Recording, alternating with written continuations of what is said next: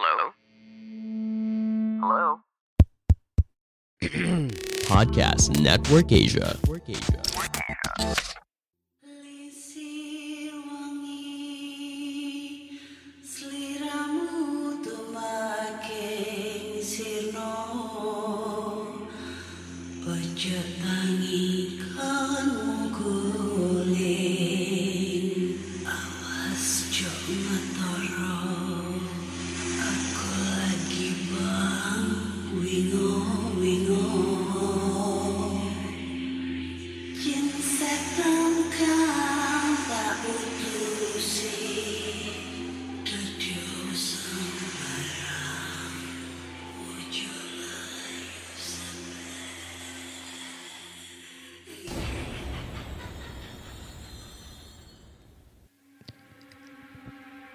Hai Rek, iya apa kabar Ketemu lagi dengan aku si Ana di podcast kisah horor.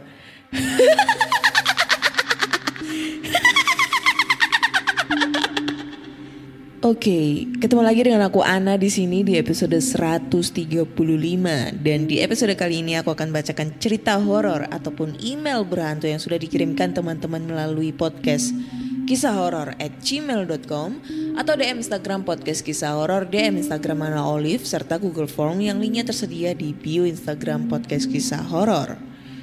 Sebelumnya gue mau minta maaf banget buat kalian semua kalau hari Selasa kemarin nggak ada updatean episode terbaru ya. Dikarenakan kemarin itu kebetulan ada urusan mendadak gitu ya, urusan pribadi. Jadi mau nggak mau harus ke Jogja ya kan karena ada sesuatu problem di sana juga ada masalah, ada musibah lah kayak gitu.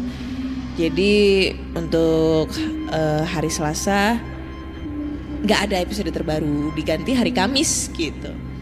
Terus sebelumnya gue juga mau mengucapkan terima kasih banyak buat temen-temen yang sudah berpartisipasi walaupun cuma satu doa yang berpartisipasi ya untuk giveaway podcast kisah horor ya. Eh ini gue udah aku udah lihat dan ditutup hari Sabtu kemarin tanggal 23 Oktober 2021. Sebenarnya mau aku umumin hari Selasa kemarin ya karena hari Selasa ada eh, keperluan jadi nggak bisa aku umumin siapa yang dapetin giveaway tapi ya sebelumnya aku mau mengucapkan banyak-banyak terima kasih buat yang sudah berpartisipasi gitu. Walaupun cuma satu orang aja dan pasti pemenangnya cuma satu orang aja ini ya nggak nambah-nambah lagi gitu. Ini gua, aku mau mengapresiasiin masnya ini apa ya gila pede banget dia. Nih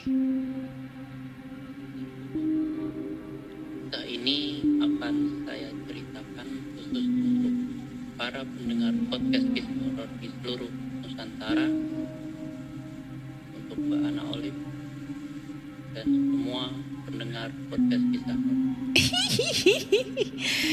ya congratulations buat Mas Septa Ardi ya Eh, nama Instagramnya septa.ardi7 nih yang udah berpartisipasi udah mau eh, ikutan giveaway podcast kisah horor ya. Udah mau bercerita tentang pengalaman horornya. Gila. Aduh sumpah. Baru kali ini aku ngedapetin apa ya maksudnya dalam arti selama ngadain giveaway ada yang bener-bener gitu loh ng- ngikutin rulesnya dari podcast kisah horor gitu. Waduh apresiasi banget. Thank you banget Mas Septa. Eh, jangan lupa kirim DM nomor rekeningnya ya Mas ya? Ye cie walaupun gak seberapa setidaknya membuat Mas Septa bahagia ya buat beli susu anak. Oke.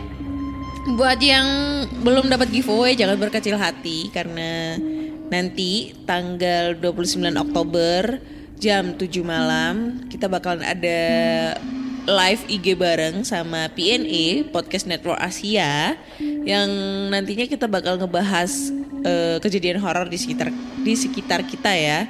Dan nantinya juga bakalan ada giveaway lagi dari podcast kisah horor. So, jangan lupa nih ya. Tanggal 29 Oktober 2021 bakalan ada live IG bareng sama PNE dan podcast kisah horor. Jangan lupa pantengin jam 7 malam. Oke? Dan langsung aja kita em, ke cerita ya. Dan cerita pertama ini datang dari email. Aduh kangen banget gue nggak pernah apa udah lama nggak pegang mic ini. datang dari email dari siapa ya? Ntar.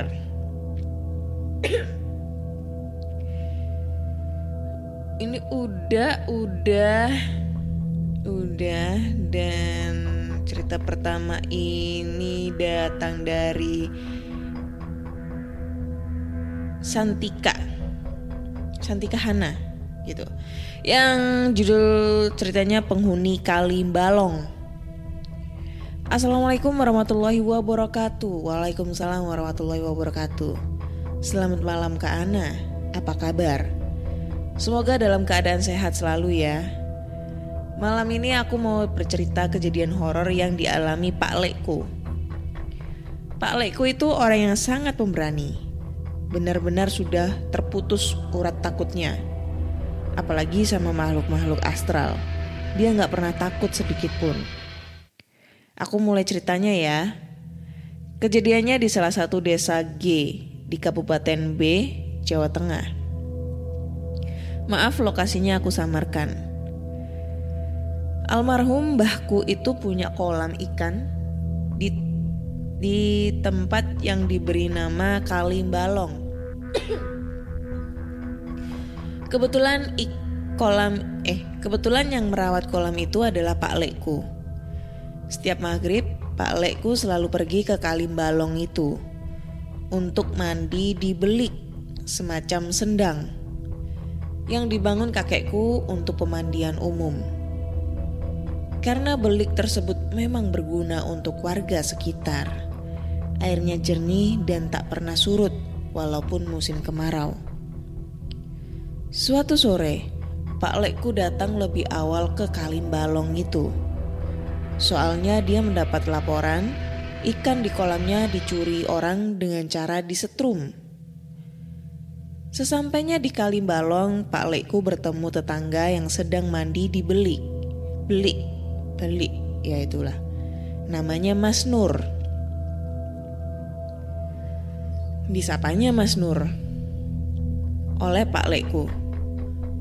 Tumben Nur, kok mandi di kali gasian? Biasanya mau maghrib baru ke kali kamu, kata Pak Lekku. Gasian itu maksudnya duluan ya. Mas Nur pun menjawab, Iya Kang, aku mandinya agak awalan aja.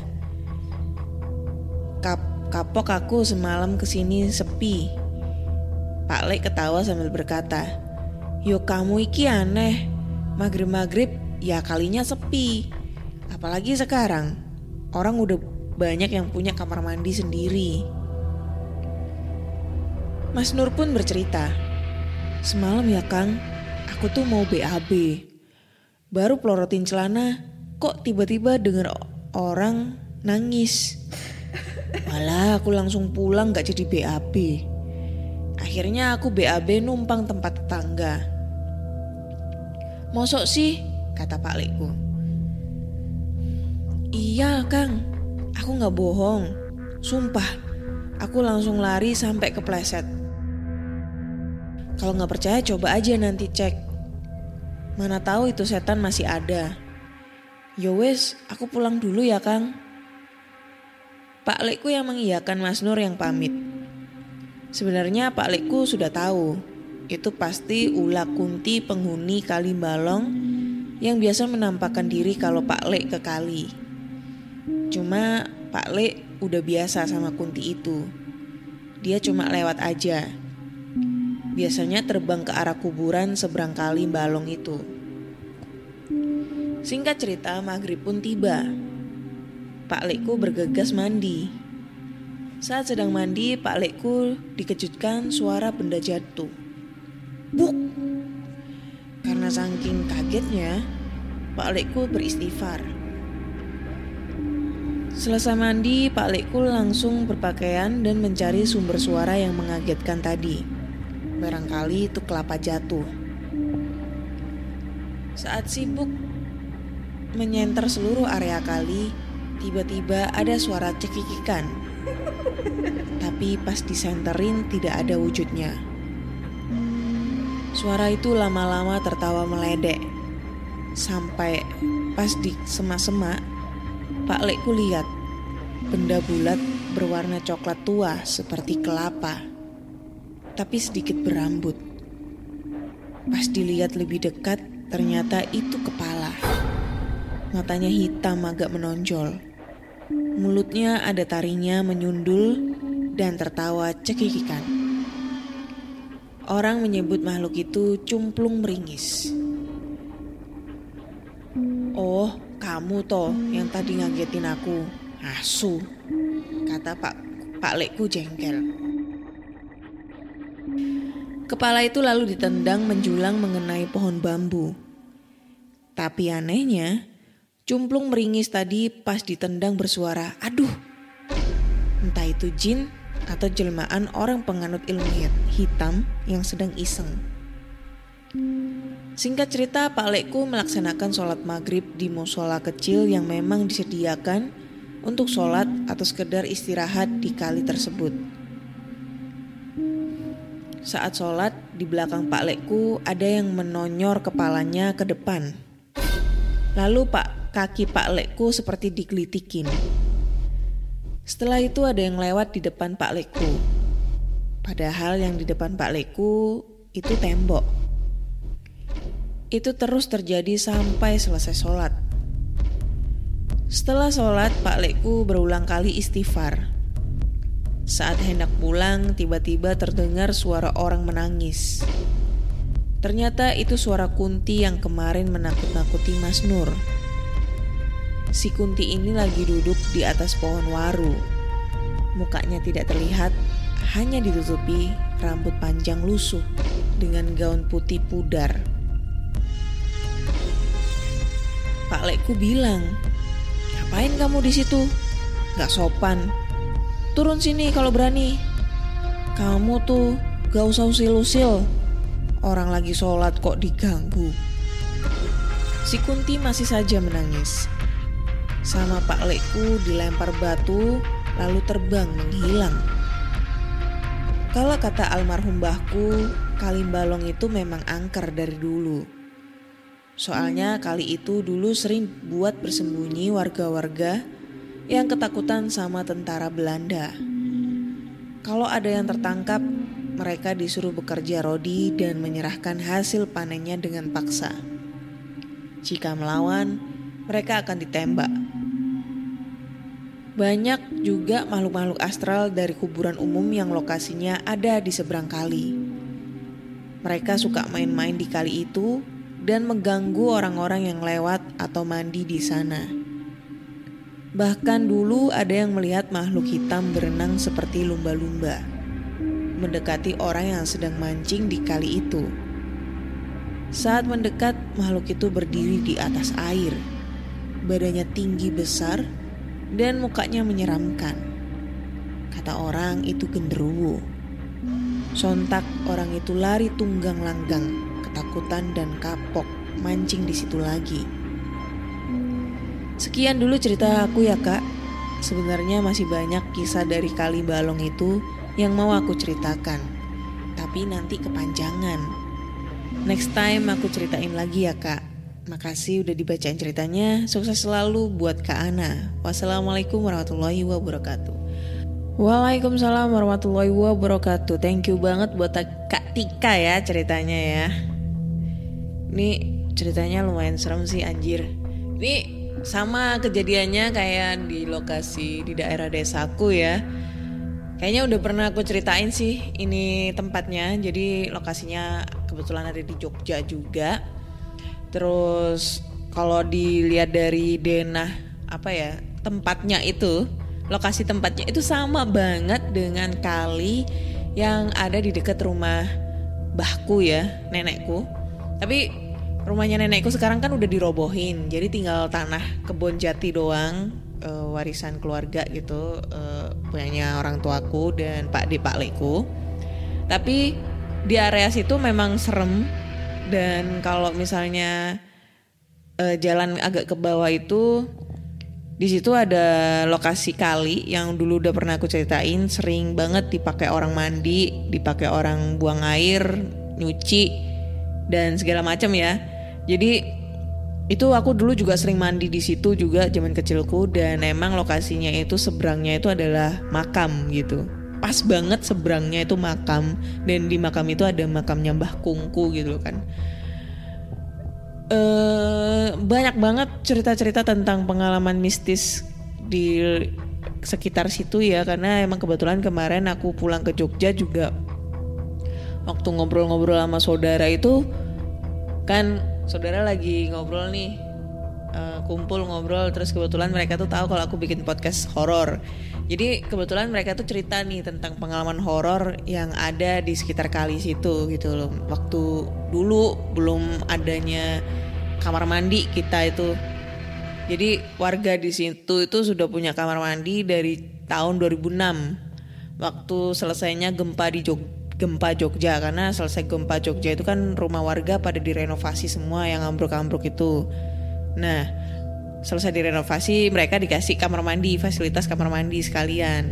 Sebelum dikasih fasilitas kamar mandi, sebelum adanya gempa Jogja, itu orang-orang itu memang aksesnya di kali gitu loh. Kalau sekarang kalinya udah keruh, kotor banget dan hanya dipakai untuk mandiin hewan gitu aja sih.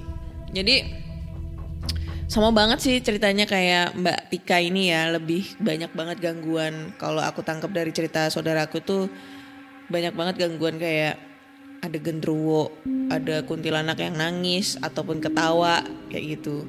Terus ada juga nih kemarin kebetulan saudaraku tuh cerita tentang gundul meringis itu. Kalau dia bilangnya sih gundul meringis ya, jadi kayak kepala. Terus tiba-tiba dilihat itu dia posisinya lagi senyum kayak gitu gitulah dan itu sering banget terjadi di situ karena posisinya di lokasi daerah rumahnya nenekku itu gelap banget. Kalau jam 7 tuh gelap banget gak ada penerangan sama sekali dan sepi gitu jam segitu tuh. Beda sama yang di kota karena rumahnya nenekku tuh kan agak melosok tuh. Rumahnya bapakku tuh kan melosok banget di daerah Piungan kan. Jadinya masih kehidupannya masih sepi lah jauh dari kota gitu.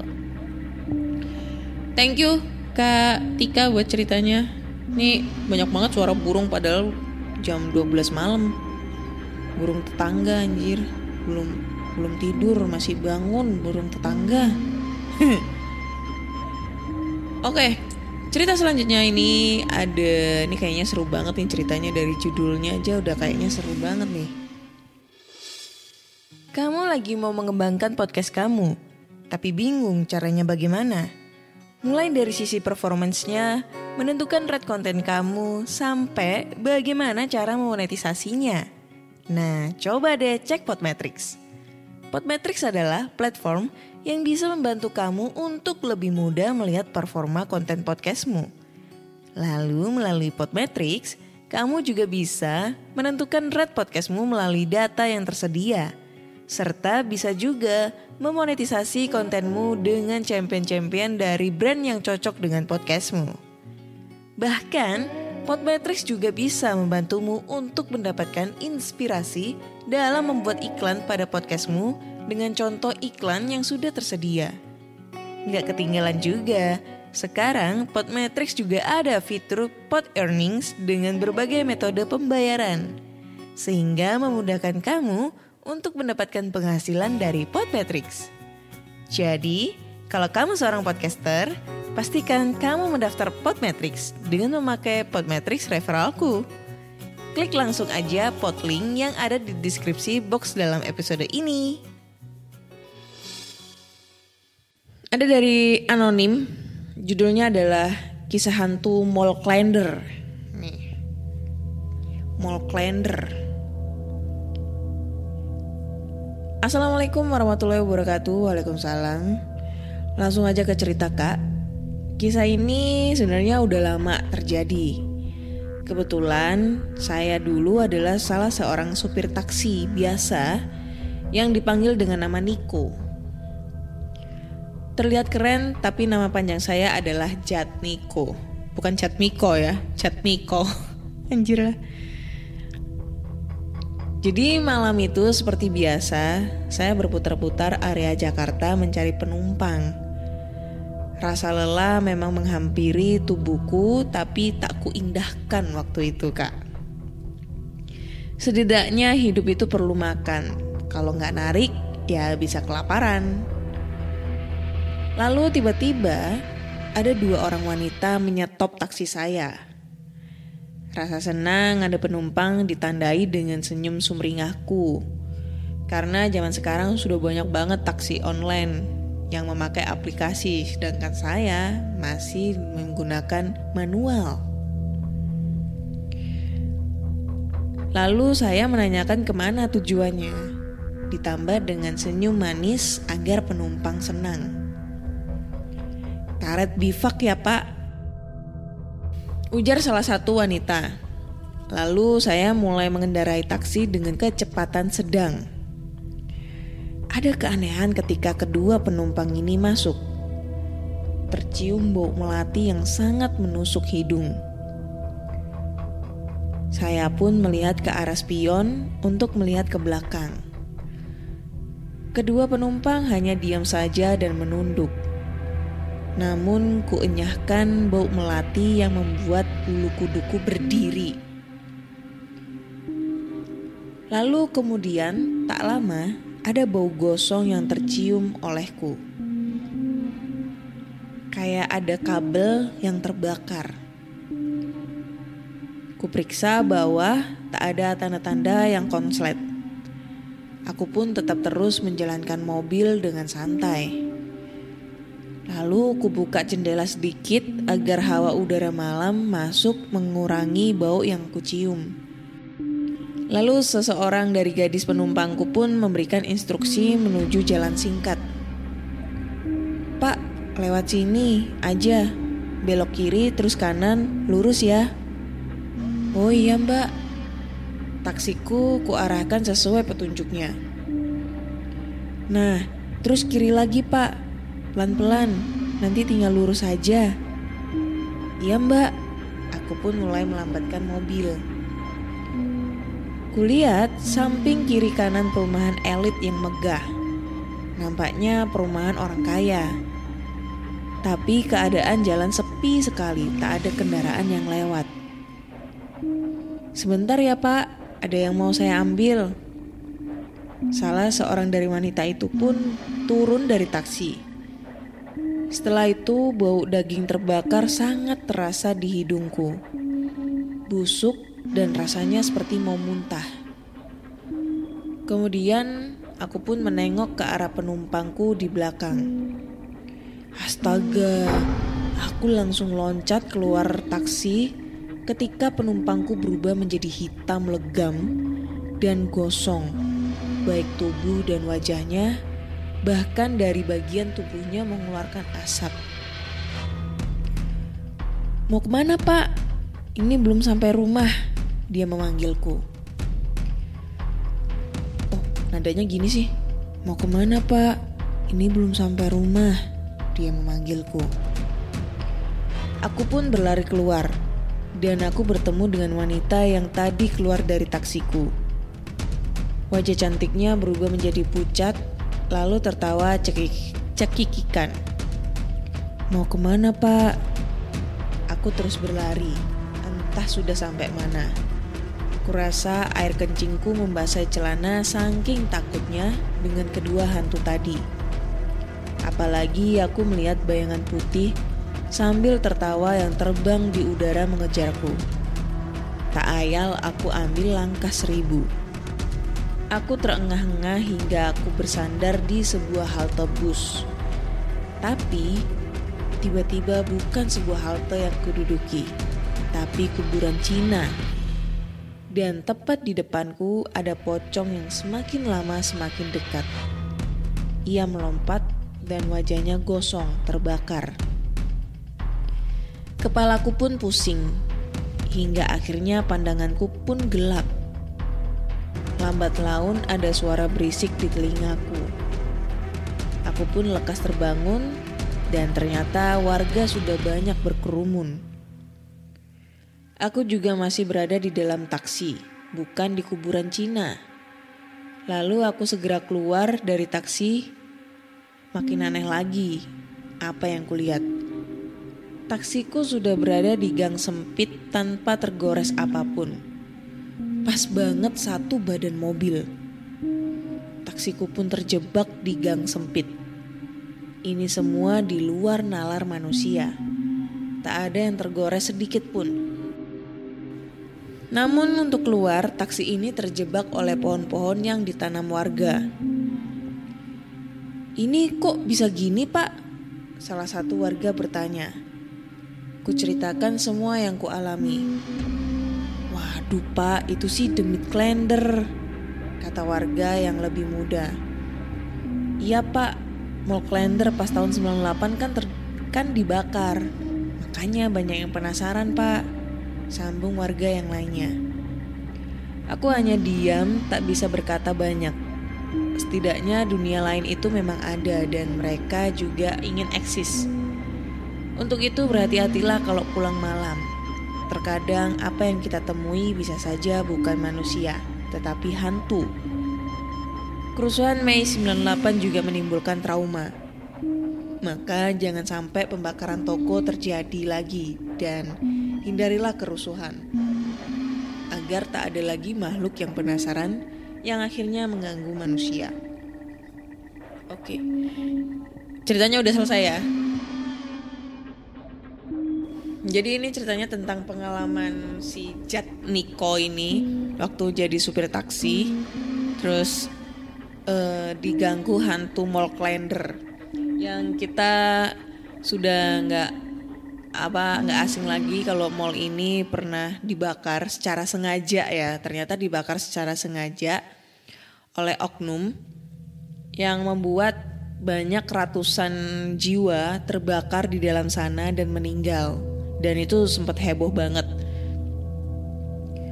Eh, ini kejadiannya pas reformasi ya. Gue aku inget banget itu waktu 98 itu kebetulan aku kelas 2 SD dan walaupun yang paling parah itu ada di Jakarta ya untuk masalah eh, banyak banget orang yang meninggal hilang tanpa jejak demo sana sini dibandingkan di Surabaya. Tapi di Surabaya sempat kena dampak juga sih dari eh, ricuhnya reformasi itu. Eh, apa ya dulu tuh aku tuh kalau jam 6 itu udah gak boleh keluar. Padahal rumah aku tuh ibaratnya masih kota sih ya bukan yang di pedesaan gitu loh masih di pinggiran kota. Jadi jam 8 ma eh jam 8 jam 6 itu udah harus pulang nggak boleh keluar dan banyak rumah yang udah pada ditutup semua pintunya. Terus dimatiin lampunya karena ya itu untuk keselamatan kita sendiri sih dari hal yang tidak diinginkan pada saat itu. Dan ini ngingetin aku sama salah satu temen aku, konten kreator YouTube. Eh, dia tuh pernah explore di mall gitu ya, mall terbengkalai, tapi bukan mall Klender ya, karena mall, mall Klendernya kan udah dibangun ulang tuh. Nah, jadi dia explore di salah satu mall terbengkalai yang katanya sih eh, bangkrut ya.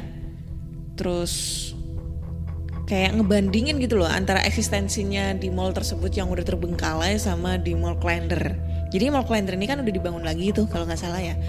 Nah pada waktu itu dia explore di mall terbengkalai tersebut itu eksistensinya ya mungkin hal yang sewajarnya lah. Eh, mungkin karena bangunannya itu gede banget dan udah lama nggak pernah ditempatin.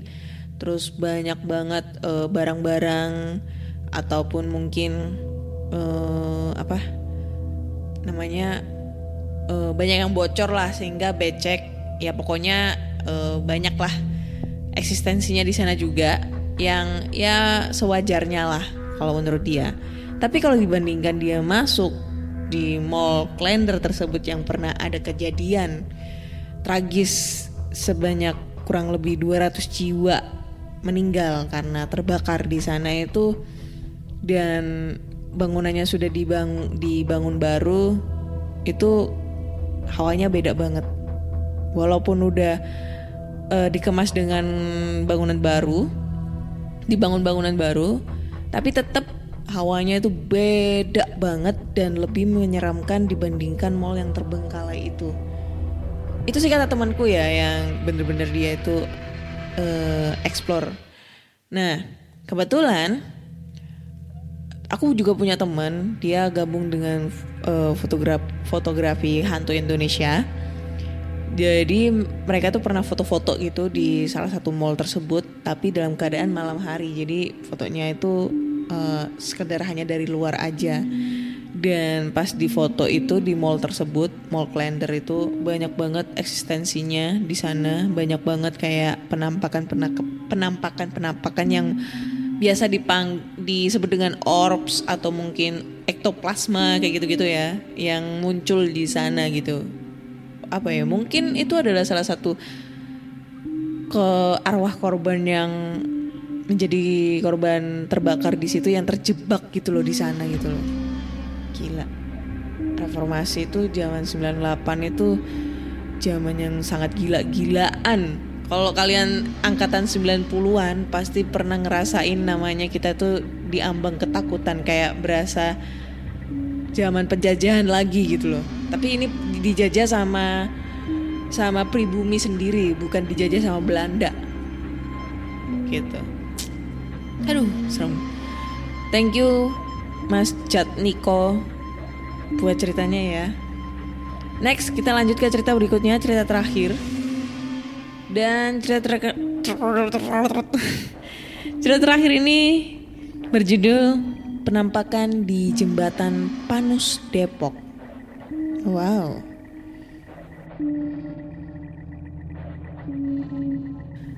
Setiap daerah ada cerita horor. Begitu juga dengan daerahku, Kak. Sebenarnya aku itu nggak percaya hal yang gaib. Namun ketika mengalami kejadian aneh, maka aku asumsikan mereka yang tak kasat mata benar adanya. Jadi begini kak, saat itu kami sedang bermain di kawasan Depok. Bisa dibilang di masa itu Depok belumlah menjadi kota seperti sekarang yang banyak kebisingan hingga makhluk tak kasat mata pun terganggu dengan padatnya lalu lintas yang ramai. Apalagi hadirnya COVID-19. Masyarakat Depok sepertinya lebih mengkhawatirkan virus tersebut dibandingkan bertemu makhluk tak kasat mata yang menjadi buah bibir selama bertahun-tahun. Saya lupa tepatnya tahun berapa. Setidaknya jalan penghubung ke arah Tole Iskandar saat itu yang menghubungkan kota Depok dan Bogor adalah sebuah jembatan lama yang bernama Jepa, Jembatan Panus. Sedangkan kira-kira 30 meter dari jembatan kecil tersebut baru saja dibangun jembatan yang baru yang lebih besar. Mungkin sekitar, tahu, sekitar tahun 90-an. Kisah ini pun terjadi tanpa disangka dan tanpa saya duga. Kami bertiga, saya, Wawan, dan Andi sedang mengendarai sepeda layaknya anak-anak di masa lalu. Sepeda adalah barang mewah di masa itu. Tentu saja kami pun bermain hingga tak ingat waktu. Hinggalah tiba kami di jembatan Panus. Waktu itu kami anggap jembatan itu seperti jembatan biasa saja. Hari sudah menjelang maghrib. Tiba-tiba Andi mengerem mendadak. Mukanya terlihat pucat seperti melihat sesuatu. Di, lo kenapa? Pung, Wan, lo nggak lihat orang itu? Orang yang mana? Itu lagi megang anjing putih. Ngaco lu, kagak ada orang di sini. Jangan ngada-ngada, Wan. Eh, jangan-jangan, eh jangan-jangan, jangan ngada-ngada dah. Seru Wawan. Muka tuh orang pucet banget, Wan. Orang bule. Masa lo nggak lihat pakai baju kayak caplin? Udah udah yuk, mending kita segera pulang. Ini hari makin gelap tahu, mana mau hujan lagi. Akhirnya kami melanjutkan perjalanan menuju rumah setelah melewati jembatan Panus tersebut. Air hujan mulai turun dengan rintik-rintik kecil. Aku dan Andi berada di depan, sedang Wawan berada di belakang. Tapi anehnya jarak kami semakin jauh. Akhirnya kami berdua pun berhenti untuk menunggu Wawan. Firasatku ada yang tak beres. Jeda waktu kami tak lama, namun hingga kini Wawan belum tiba. Aku pun penasaran dan melihat ke jalan nam- ke jalan. Nampak Wawan berusaha keras menggoes sepedanya. Tapi jalannya tetap pelan seperti keong. Pung, Wawan bawa siapa? Maksudnya di itu ada cewek pakai baju merah di boncengan belakangan si Wa eh di boncengan belakang si Wawan. Ah, gue nggak lihat. Bener pung, gue lihat jelas kok cewek cantik. Masa sih? Sumpah gue nggak bohong pung. Tambah lama Wawan mendekat. Namun aku sama sekali tak melihat penampakan yang dimaksud Andi. Pung, dia ngilang. Terbang. Nggak tahu. Tapi tadi pas gue nengok, nengok cewek itu udah nggak ada. Tarikan nafas Wawan tersengal. Anjir, sepeda gue berat banget. Rusak deh kayaknya. Coba sini gue lihat, ujarku. Kucek sana sini tak ada yang rusak. Tak ada tanda-tanda tempat boncengan hangat habis diduduki orang. Aku pun menggaruk kepala yang tak gatal. Apa benar yang dikatakan Andi?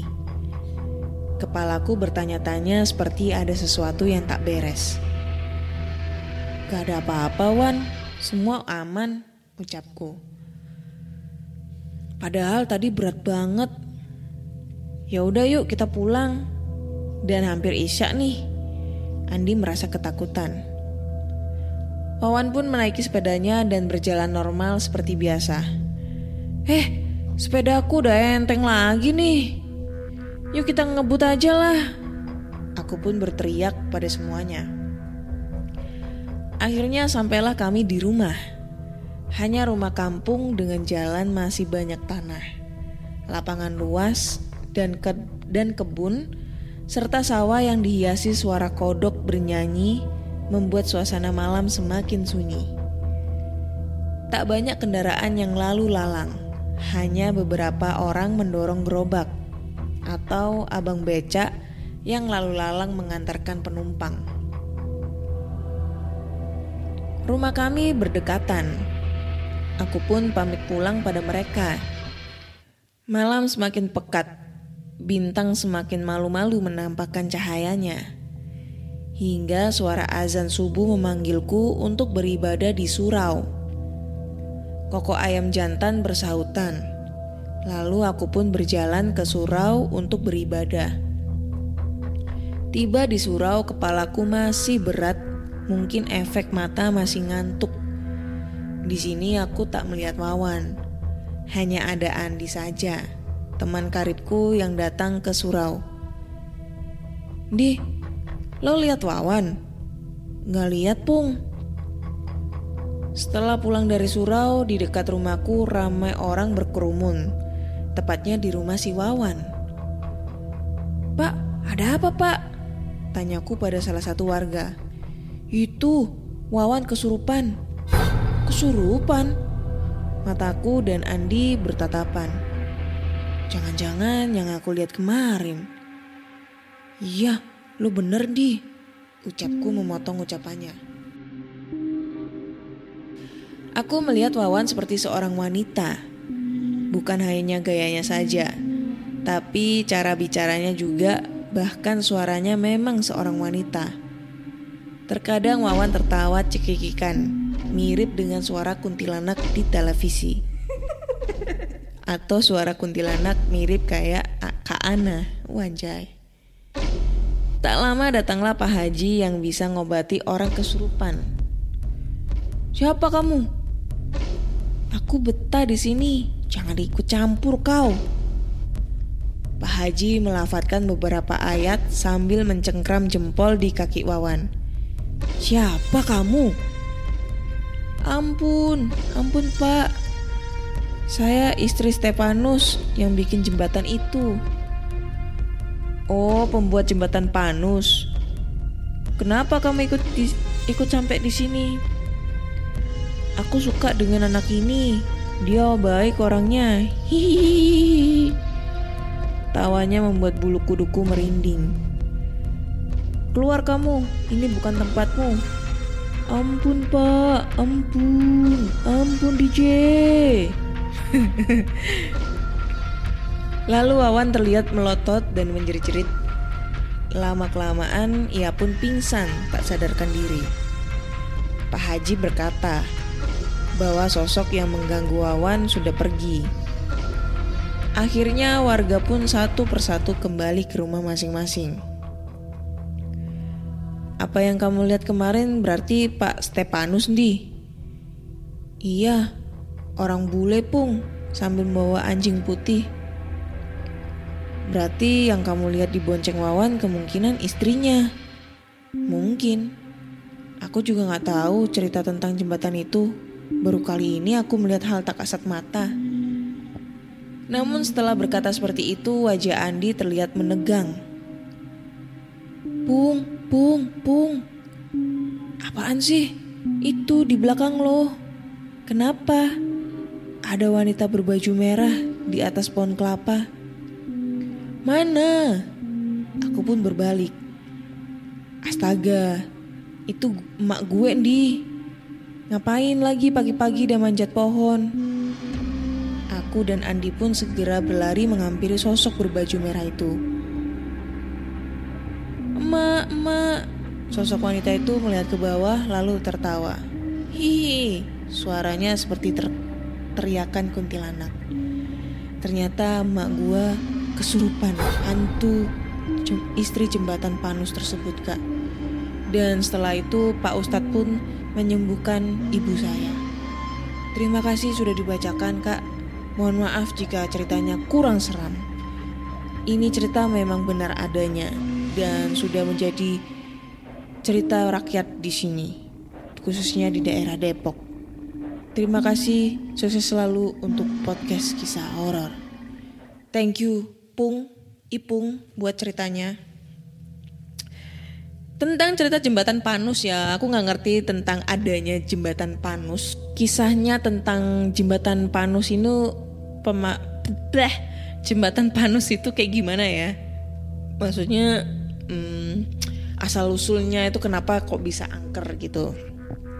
Kalau di Surabaya itu ada namanya jembatan merah Surabaya. Nah itu jembatannya warnanya merah. Padahal sebelumnya itu warnanya bukan merah, hijau. Kenapa di, dikatain jembatan merah? Karena waktu itu banyak pertumpahan darah di situ.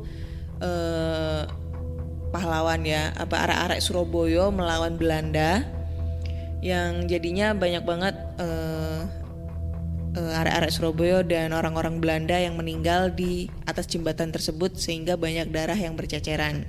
Akhirnya disebutlah jembatan merah. Dan itu eh, menurut rumor itu angker banget gitu loh. Ya angker tapi sekarang udah dibikin kayak ini ya. Apa? Tempat nongkrongnya para muda-mudi gitu. Para muda-mudinya Surabaya, Surabaya buat pacaran gitu. kayak gitu. Jadi nggak nggak- ngerti asal muasalnya kenapa jembatan Panus ini bisa angker ya kan? Karena di sini juga nggak dijelaskan. Eh kenapa kok bisa angker? Mau nyari nyari cari nggak ya? Kenapa jembatan Panus itu angker? Coba kita cek dulu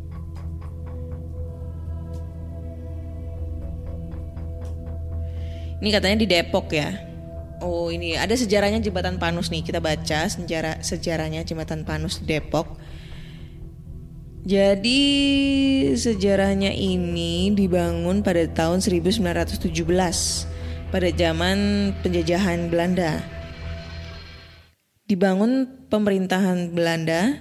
Hal itu tertera tulisan di salah satu sisi dari jembatan sepanjang 100 meter dibangun oleh Insinyur Andre Lawrence.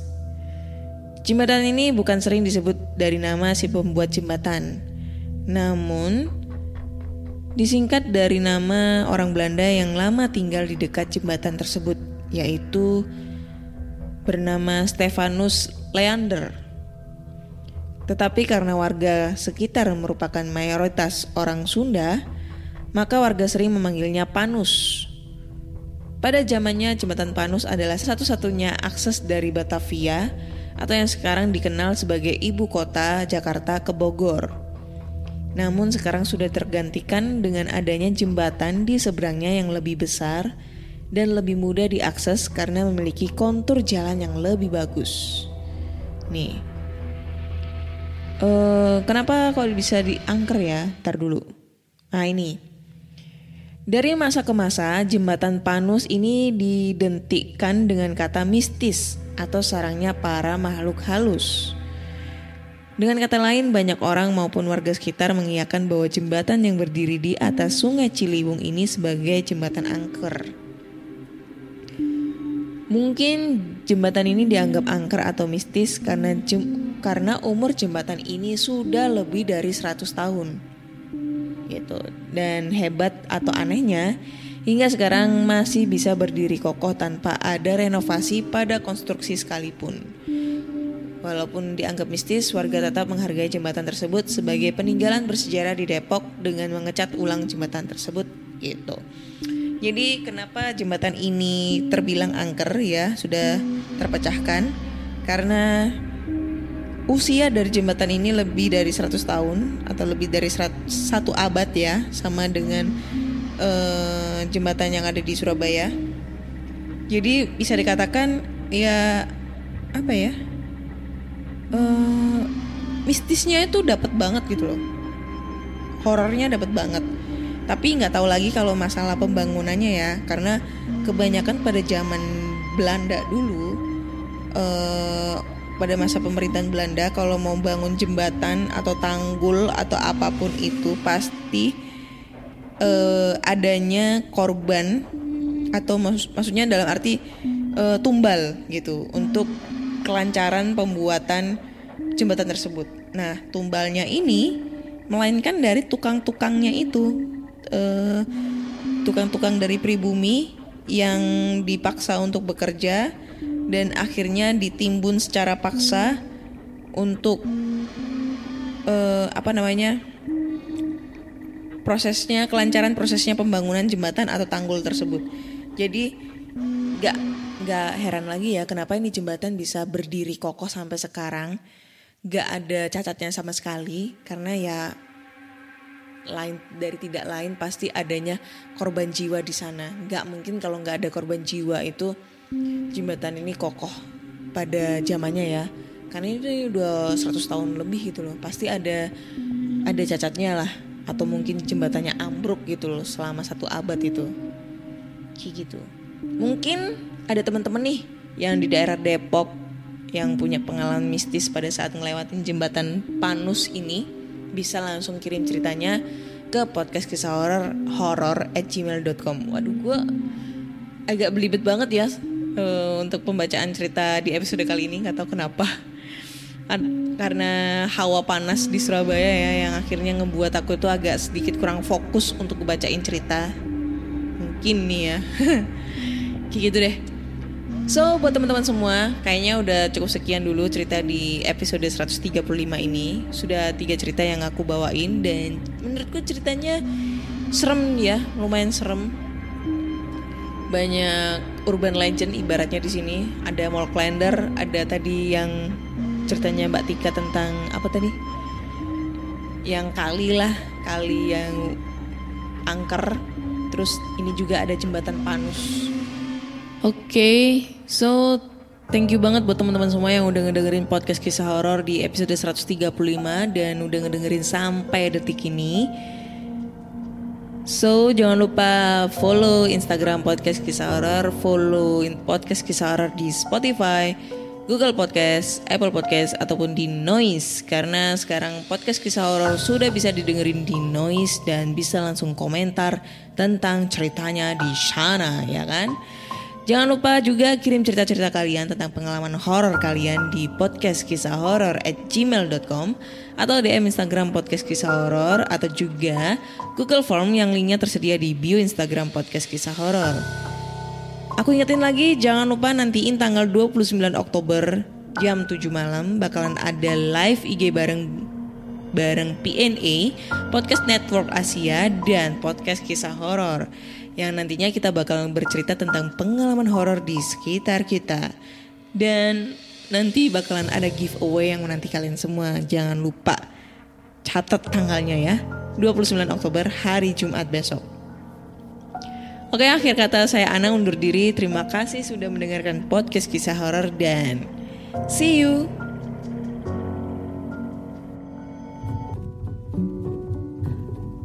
Pandangan dan opini yang disampaikan oleh kreator podcast, host, dan tamu tidak mencerminkan kebijakan resmi dan bagian dari podcast Network Asia.